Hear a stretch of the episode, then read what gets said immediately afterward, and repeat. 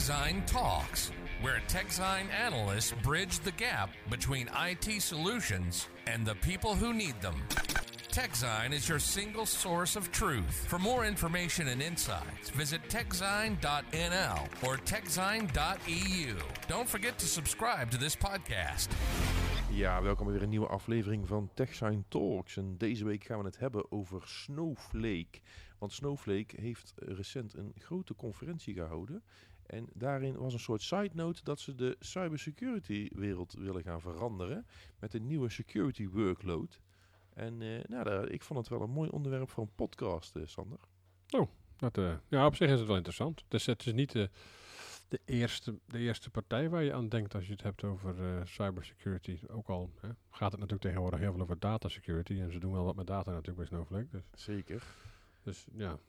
Dus, dus, dus het is misschien ook wel weer een logische vervolgstap. Misschien? Eh, Vraagteken? Nou ja, ze proberen in bepaalde industrieën te specialiseren. En eh één daarvan is de cybersecurity wereld. En, en de insteek die ze hier kiezen, vond ik dermate interessant dat ik er een podcast over wilde opnemen. Maar ik moet wel zeggen, eh, het, het, het- had niet echt de volledige aandacht tijdens de conferentie. Dat ging vooral over andere zaken. Ja, je hebt vooral over hoe ver het lopen was van Caesars Palace naar de, naar de Convention Center, toch? Ja, bij mij wel, ja. Ik, Ja. ik, ik, ik, ik, ik heb recent eens geklaagd bij, over een andere conferentie dat ik, eh, ik geloof, 2500 stappen moest lopen voordat ik een keer kon ontbijten. Eh, hè, dat klinkt misschien een beetje eh, verwend, maar het is best een eindje. Maar nu was het 4500 stappen, dus eigenlijk viel het wel mee toen. Ja, want je, de, de, de, de, de, zeg maar het evenementencentrum van Caesars Palace in, in Las Vegas ligt eigenlijk naast de Venetian, toch? Eh, ja, je hebt zeg maar het idee dat je, dat, je, Ja. dat, je, dat je hotel in Amsterdam staat en de conferentie is in Rotterdam. En dan zeggen ze, loop maar even. Dat is een beetje je gevoel. Nou ja, ik denk dat het een beetje gechargeerd is, maar, eh, ja, een beetje. je, was Maar- er niet, je was er niet heel blij mee, laat ik het zo zeggen. Nee, in je overhemdje en je colbertje met 42 graden door de hete zon vond ik niet zo heel lekker. Maar Ja. goed, laten we het over serieuze onderwerpen hebben. Hè? Over deze prachtige podcast. Hoe heette die eigenlijk? Was de Snowflake Summit, heette die toch gewoon? Ja, jazeker. Ja, oké. Dus, de Snowflake Summit. Ehm, ja, zoals ik eigenlijk al een beetje zei, de security was een soort side note. Eh, we hebben er wel eh, iemand over gesproken en er is een ronde, ronde tafeltje geweest. Maar in de, in de keynote, zeg maar, is dit niet echt voorbij gekomen. Dat is bijzonder. Ja, terwijl ik het wel heel boeiend vond. Want waar ging het in de keynote dan over? Ja, over alle andere aankondigingen, Sander, die ze ook hadden. Eh, een, een van de belangrijkste uitbreidingen van het Snowflake-platform is dat de ondersteuning voor eh, Python, eh, de programmeertaal, waar eh, Barry heel vaak nieuwsberichten over uitzet bij ons. Ja, die is toch best populair. Sterker nog, het is Ja. de populairste momenteel, toch? ja, dat, die, die ondersteunen ze nu volledig. En die is nu, wat ze in Amerika altijd zeggen, GA, oftewel beschikbaar voor iedereen. Wat de grote vraag is natuurlijk, waarom duurde het zo lang? Nou, eh, dat komt omdat Snowflake eh, gekozen heeft in een eh, ver verleden om Scala en Java te ondersteunen. Nou, Java is natuurlijk ook een grote. En Dus Scala was, was, was toen min of meer de opkomende taal voor data science en, en data man, ja, hè, voor, voor het verwerken van data als het ware. Mhm. En Python ja, was het toen ook wel. Alleen ja, de afgelopen jaren hebben we gezien dat Python ehm, eh, heel hard in opkomst is gekomen. Zeker in de data science wereld. En eh, dus werd het tijd om Python te ondersteunen. Dus ja, het duurde lang. Ja, ik denk dat ze er eh, eh, alles bij elkaar anderhalf jaar aan gewerkt hebben of zo.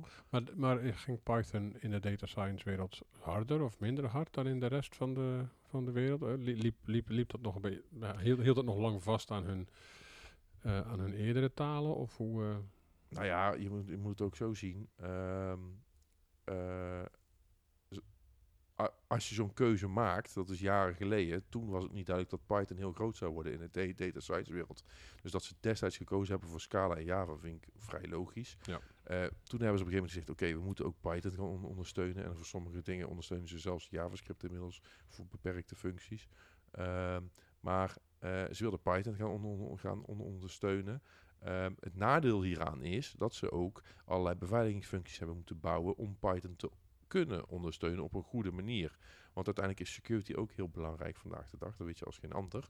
Ehm, en wat eh, Python-ontwikkelaars graag willen, is allerlei libraries van derde partijen. Die willen ze gebruiken in hun, in hun code. Ja. Eh, maar je hebt het risico dat daar dan een connectie wordt gelegd, bijvoorbeeld naar buiten toe, en dat die dan dingen gaat binnenhalen. Ja. ja en dat wil je natuurlijk niet binnen zo'n Snowflake-platform, want er staat heel veel data opgeslagen die ook heel cruciaal en gevoelig, et cetera, kan zijn. Dus je moet dat op een of andere manier controleren. Je wil ze in een sandbox. Als Ja, het- uiteindelijk heeft Snowflake een soort sandbox ontwikkeld. eh, dat als die Python code wordt ui- uitgevoerd, dan gebeurt dat binnen een sandbox. En daar kunnen geen connecties naar buiten worden gelegd. Waardoor ze als het ware een veilige omgeving creëren. Dat iedereen al zijn libraries gewoon kan gebruiken. Maar eh, niet het risico loopt dat de data ineens op straat ligt. Ah, Oké. Nou, nou, dat is op klinkt, zich wel, wel, wel heel zinvol. klinkt als een zinvolle toevoeging. Ehm, daarnaast hebben ze eh, begin dit jaar een overname gedaan van Streamlit.io, moet ik erbij zeggen, want anders dan, eh, kunnen de mensen het niet vinden. Ehm, en dat is een, een, een, een, een, een bedrijf wat zich gespecialiseerd heeft in het ontwikkelen van applicaties bovenop een dataplatform. Hè, of, of dat met data werkt en daar snel op in kan spelen. En dat is ook Python gebaseerd. Dus, wat, nou, wat, wat maakt zoiets dan bijzonder als je bovenop een, eh, op een dataplatform applicaties ontwikkelt, rechtstreeks bovenop? Is dat, zijn dat speciale vereisten of zijn dat...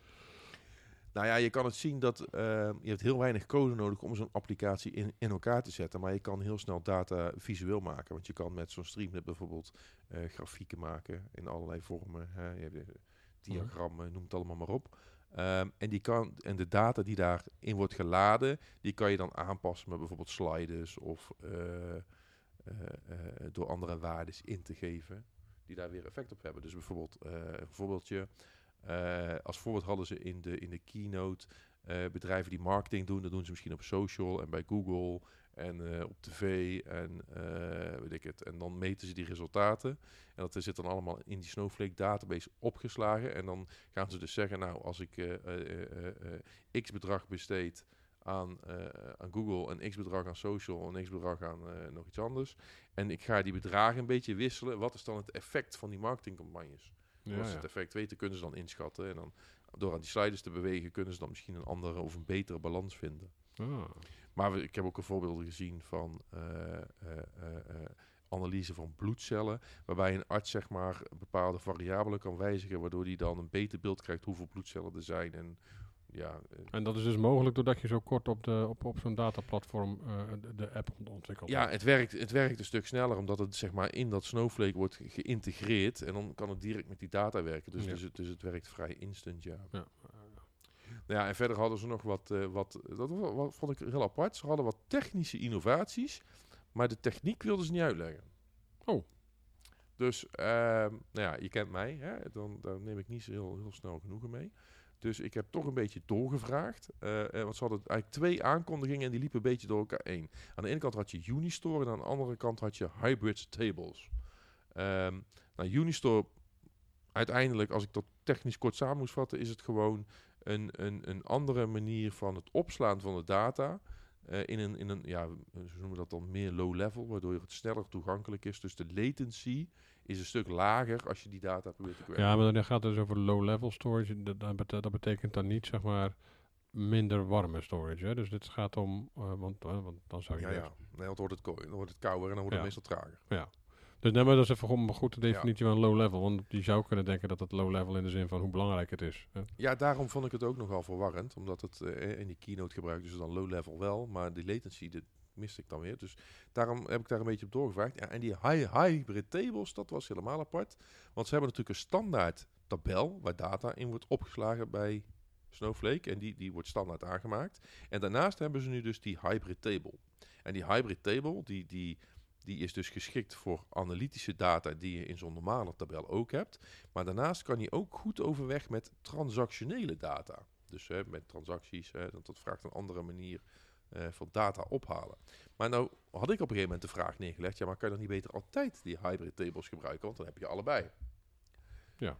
Maar toch wel een beetje, ja, hè, want dan ga- gaat het ineens heel erg over de te- techniek, hoe het dan werkt. En dat willen ze eigenlijk niet uitleggen, maar wat ik toch een beetje boven tafel gekregen heb, is dat eh, bij zo'n hybrid table, als je transactionele data inlaat, dan kijkt hij vooral naar hoe oud die data is. En dan, die kan je dan heel snel weer eh, queryen als die nog niet zo ou- oud is. Maar naarmate die data ouder wordt, wordt het analytische data, werd me uitgelegd. Dus Ja. Oh ja. ik kreeg een beetje het gevoel dat ze een heel mooi naampje bedacht hebben, maar dat het eigenlijk een soort catch is. Dus dat je gewoon een ouderwetse tabel hebt en daarnaast heb je een soort catch waar recente data in staat, waardoor je die sneller kan queryen. En dat is dan toevallig heel erg geschikt voor transactionele data.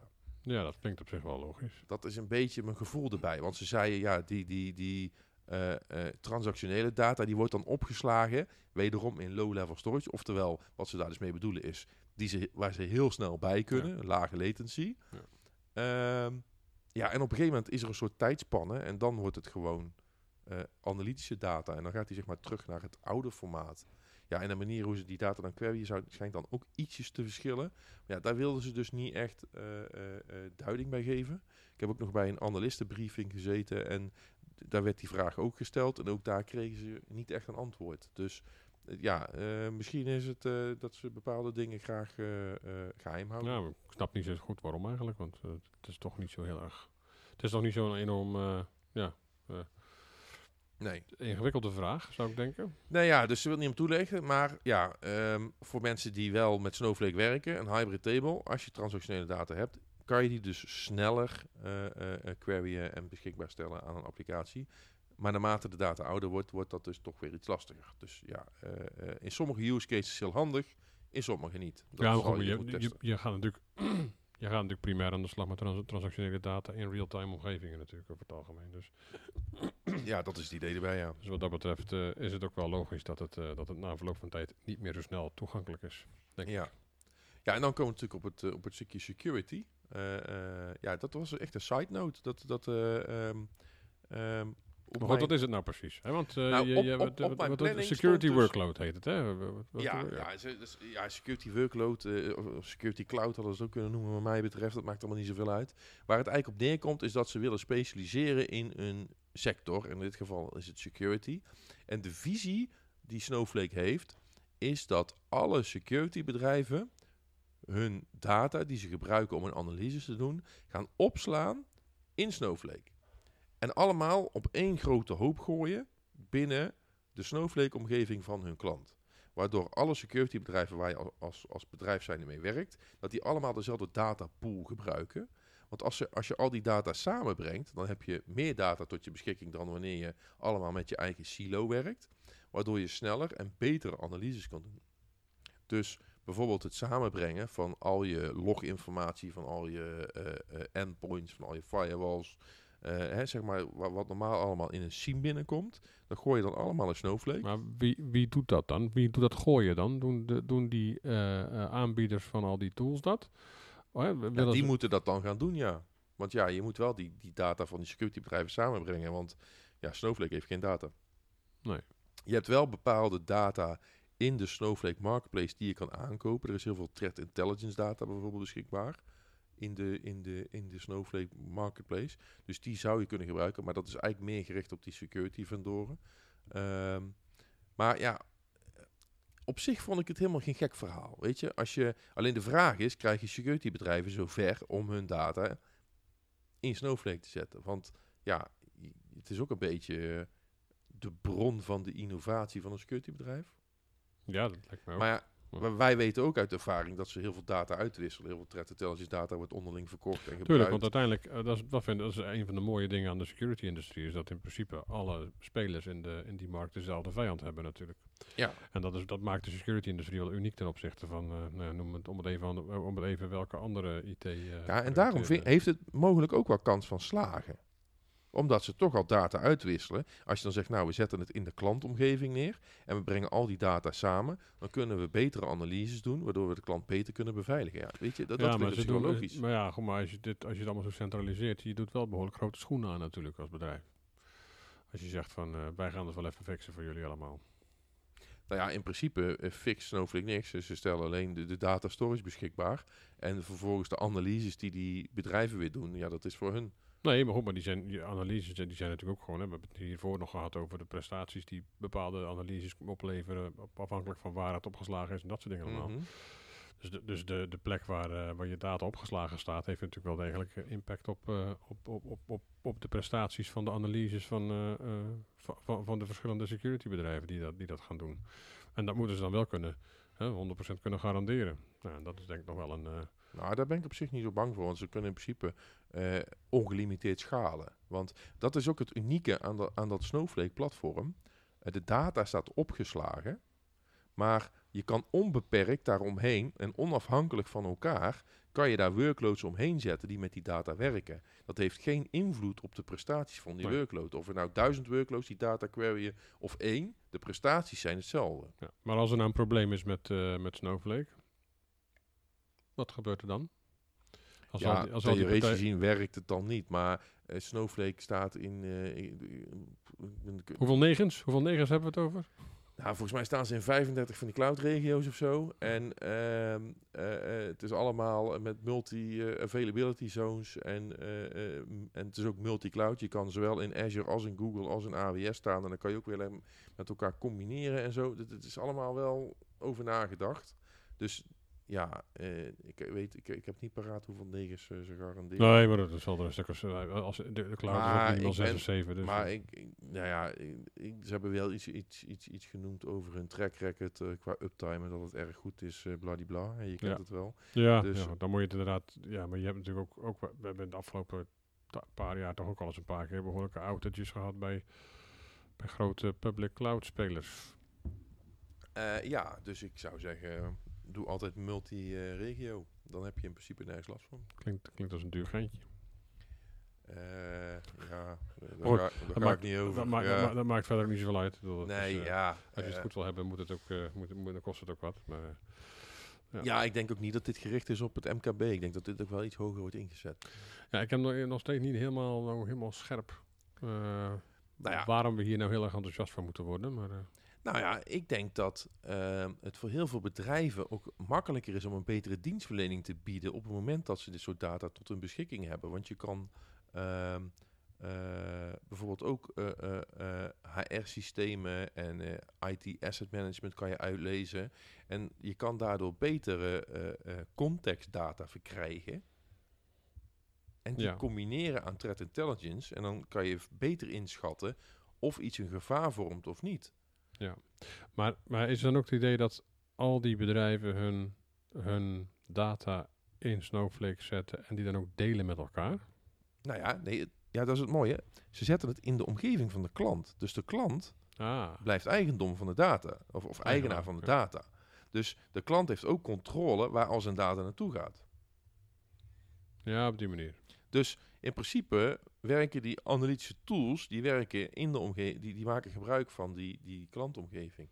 Maar dus dan hebben al die, al die tools hebben nog wel hun unieke eh, ja, USP's, zoals het zo mooi heet. Ja, Dus je, het is niet alsof je dan zegt van, eh, oh, ik ben heel goed in, eh, in, in IT asset inventory of in asset management, Ja. maar nu is de rest het ook omdat, omdat we met z'n allen in, de, in dezelfde omgeving nee, nee, nee, want wat het ook is, ehm, eh, Snowflake is erg goed in het delen en toegang geven van data. Dus je kan bijvoorbeeld zeggen, we hebben hier die datapool met al die security intelligence data. En die delen we dan met die security bedrijven. En dan kunnen die security bedrijven in hun eigen omgeving, met hun eigen applicaties, die analyses doen. Buiten het zicht van al die concurrenten die ze hebben. Mm, Ja, ja. Dus ze kunnen wel allemaal hun eigen applicaties en security tooling ontwikkelen. Zonder dat anderen dat zien. Maar ze, ze maken wel allemaal gebruik van dezelfde data. En ze verrijken allemaal die data bron als het ware. Ja, ja. Kijk, je kan ook zeggen er is een risico. Want als iemand de databron vervuilt, dan zitten al die bedrijven er ineens naast. Maar ja, weet je, ik zeg ook niet dat het perfect is. Maar ik denk wel dat het... ehm, de visie aan zich dat, je, dat, dat grote enterprise organisaties nu misschien wel 25 verschillende security producten hebben, die allemaal hun eigen beperkte datasilo heeft. En als je die allemaal op één hoop gooit en ook nog kan aanvullen met, met, met, met IT asset management en andere data, dat, dat, je, dat, dat je ook nog contextuele analyses kan doen, dat je daardoor een beter overzicht krijgt en daardoor beter kan reageren op cyberaanvallen. Dat vind ik interessant. Ja, dat is, dat is- een beetje inderdaad andersom geredeneerd van wat andere, sommige andere partijen doen. Hè. Je kunt ook kijk- kijken van, ik ga gewoon het aantal, het aantal security tools ga ik drastisch terugdringen. Eh, en dan, dan bereik je in principe hetzelfde. Ja, maar jij zegt ook altijd, eh, het is multilayer, dus je hebt altijd meerdere tooling nodig. Ja, maar je hebt er niet per se 30 of 40 nodig, denk ik. Ja. Nee, oké. Maar ook al heb je er tien, als je die tien datapools bij elkaar smijt, heb je wel, eh, denk ik, een beter overzicht van wat er gebeurt in je bedrijfsomgeving. Ja, het is ook een beetje afhankelijk van waar al die specifieke bedrijven hun intelligence vandaan halen natuurlijk. Hè? Want er wordt al heel veel gebruik gemaakt van ja, min of meer open bronnen door heel Mhm. veel eh, aanbieders. En, eh, Ja. open, open bronnen op het gebied van, eh, van threat intelligence en dat soort dingen allemaal. Dus de kans is aanwezig dat, dat je heel veel dingen gewoon ja, niet zozeer fysiek dupliceert natuurlijk. Want dan zullen ze wel voor zorgen dat, het niet, dat, het niet, dat niet alles 24 keer opgeslagen wordt. Maar de kans bestaat wel dat heel veel van die bedrijven sowieso gebruik maken van ongeveer dezelfde bronnen. Behalve dan natuurlijk dat, datgene wat ze uniek maakt. En, da, en, da, da- en da- en zover ga ik wel met je mee. Dat, een, eh, dat bijvoorbeeld een knowledge base van. We hebben recent nog een artikel geschreven bijvoorbeeld over Armis. Die, doen, Mhm. eh, die hebben een enorme knowledge base. En die kunnen IT en OT en IoT eh, appa- app- apparaten herkennen en klassificeren. En weet je, zien of het allemaal oké is en zo allemaal. Kijk, zo'n knowledge base, als je die ook kan koppelen in, binnen je eigen organisatie aan de tooling van een andere partij. Ja, dat, dat zou op zich wel interessant zijn. Ja, maar wat je, wat je net zegt, hè, want dan moeten ze die data uitwisselen, maar dat kost allemaal heel veel tijd. Vaak zit daar dan een vertraging in van 24 uur. In Snowflake zou het dus bijna direct kunnen. Ja, nee, maar ik heb, als ik het heb over die, over die vrijelijk beschikbare, beschikbare Ja. eh, feeds, die, die, die, dat zijn gewoon eh min of meer real-time feeds die overal, die, die alle, inmiddels volgens mij bijna alle grote partijen echt wel gebruiken. Om hun, eh, om hun, om hun, um, om hun product te verrijken en om, eh, om, de, om de kwaliteit ervan te verbeteren. Ja, en wat Snowflake natuurlijk ook nog zegt, is dat het voor die security bedrijven interessant kan zijn, omdat ze niet meer zelf de hele IT-management rond hun dataopslag hoeven doen. Want die bedrijven maken allemaal gebruik van enorm veel data. Ja, en als je dat in Snowflake doet, dan, dan ja, hè, hoef je er niet meer om, om te kijken, want Snowflake neemt al het beheer uit handen. Ja. Dus ja, dat is, hè, dat, is, dat is ook een voordeel. Dus ja, en dat je dan ook nog extra data erbij kan krijgen en kan samenwerken, ja, dat moet dan maken dat het interessant is. Hm. En ze hebben wel een aantal eh security bedrijven zover gekregen dat die echt security tools gaan ontwikkelen eh, eh, bovenop die data cloud van, van, van, van Snowflake. Dus ze hebben al wel een aantal partners. Ze hebben ook al bedrijven die er op andere manieren gebruik van maken. Ik geloof dat Dropbox maakt actief gebruik van die, die security oplossing gecombineerd met, eh, met Snowflake. Mhm. Uh, maar je hebt ook uh, Securonics en Panther Labs en Hunters. Allemaal niet hele bekende security bedrijven, moet ik toegeven. maar die gaan allemaal wel daar nu mee aan de slag. En ik ben wel benieuwd wat er uitkomt. Want het, het, is iets nieuws, het is een andere visie. Uh, ja, maar zie je, dan ook, zie je dan ook dat, want, want even, even een stapje terug, gaan die applicaties van, uh, van dat soort partijen dan ook veel dichter bovenop het Snowflake-platform zitten? Uh, dat vermoed ik wel. Ja, de meeste die ik heb opgezocht zijn allemaal cloud-based. Dus nou ja, Snowflake kan je in AWS, Azure en Google Cloud krijgen. Dus ik vermoed dat die cloud security uh, spelers uh, die, die er nu mee aan de slag gaan, dat die voor een van drie omgevingen zullen kiezen, omdat ze dan dichter op, uh, op, op de Snowflake database zeg maar, zitten. Oké. Okay. Ja. Um, ja, en wat het ook is, uh, een aantal van die bedrijven wordt ook weer door Snowflake met hun venture capital uh, ding uh, geïnvesteerd. Ja. Dat hebben we ook gezien met uh, die club, daar ben jij nog eens geweest een aantal jaar terug. Daar zou ik eigenlijk heen gaan, maar dat was niet heen geweest. Weet je ook alweer? ja, dat weet ik niet. Ja, daar zou ik vorige week heen gaan, maar daar ben ik toen niet geweest. Oh, Data IQ. Ja, die. Dat is ook, ook zo'n bedrijf waar uh, Snowflake in, ge in, geïnvesteerd heeft. Ja. En die wel fors gegroeid is de af, afgelopen jaren. Dus nou ja, wie weet is dat een, uh, uh, ja, een, een, een signaal. Ja, nou, ik vind het op dit moment nog een beetje, een beetje, een beetje vaagjes. Ik snap denk ik wel ongeveer wat de bedoeling is. Dus ik uh, ben wel benieuwd waar het naartoe gaat. of dit, zo, en of dit zorgt voor een beetje consolidatie in de, in de, in de, in de jamboel en de, en de weerwar van, van applicaties en, uh, en zo, op het gebied van security die, die organisaties momenteel in hun omgeving hebben draaien. Nou ja, weet je, het is een visie, denk ik. En uh, uh, als het werkt, dan krijg je dadelijk gewoon een aantal security spelers in de markt die veel sneller kunnen acteren op dreigingen dan bestaande spelers dat kunnen. Ja, dan krijg je wel een shift, denk ik. Als, als ze dat echt kunnen aantonen, dat ze sneller kunnen reageren, dan gaan andere uh, security bedrijven hier ook naar in, in, informeren, denk ik. Ja, dat, dat, als dat zo is, dan inderdaad. De, de vraag is natuurlijk op dit moment nog of het ook echt zo is. Maar dat, uh, dat, gaan, we, nou ja. dat gaan we vanzelf zien. Ik vond de theorie goed. De praktijk, daar moeten we nog... Uh, die, is nou weer, die, is weer, barstiger over het algemeen. Ja, daar moeten we misschien een paar jaar op wachten. Maar het is nou van goed dat er mensen nadenken over hoe we dingen beter kunnen doen. En zeker op het gebied van security is het ook wel prettig als, als we daar nog eh, wat grote innovatiestappen in kunnen gaan zien. Eens, maar aan de andere kant eh, moet ook niet iedereen net gaan doen alsof hij een security speler gaat worden. Nee, en dat doen ze dus in principe ook Nee. niet. hè. Nee, Ze ze, zeggen ze, alleen- ze- ze hebben het er helemaal niet over gehad tijdens de keynotes. dus wat dat nee, nee, maar ze Dus, zeggen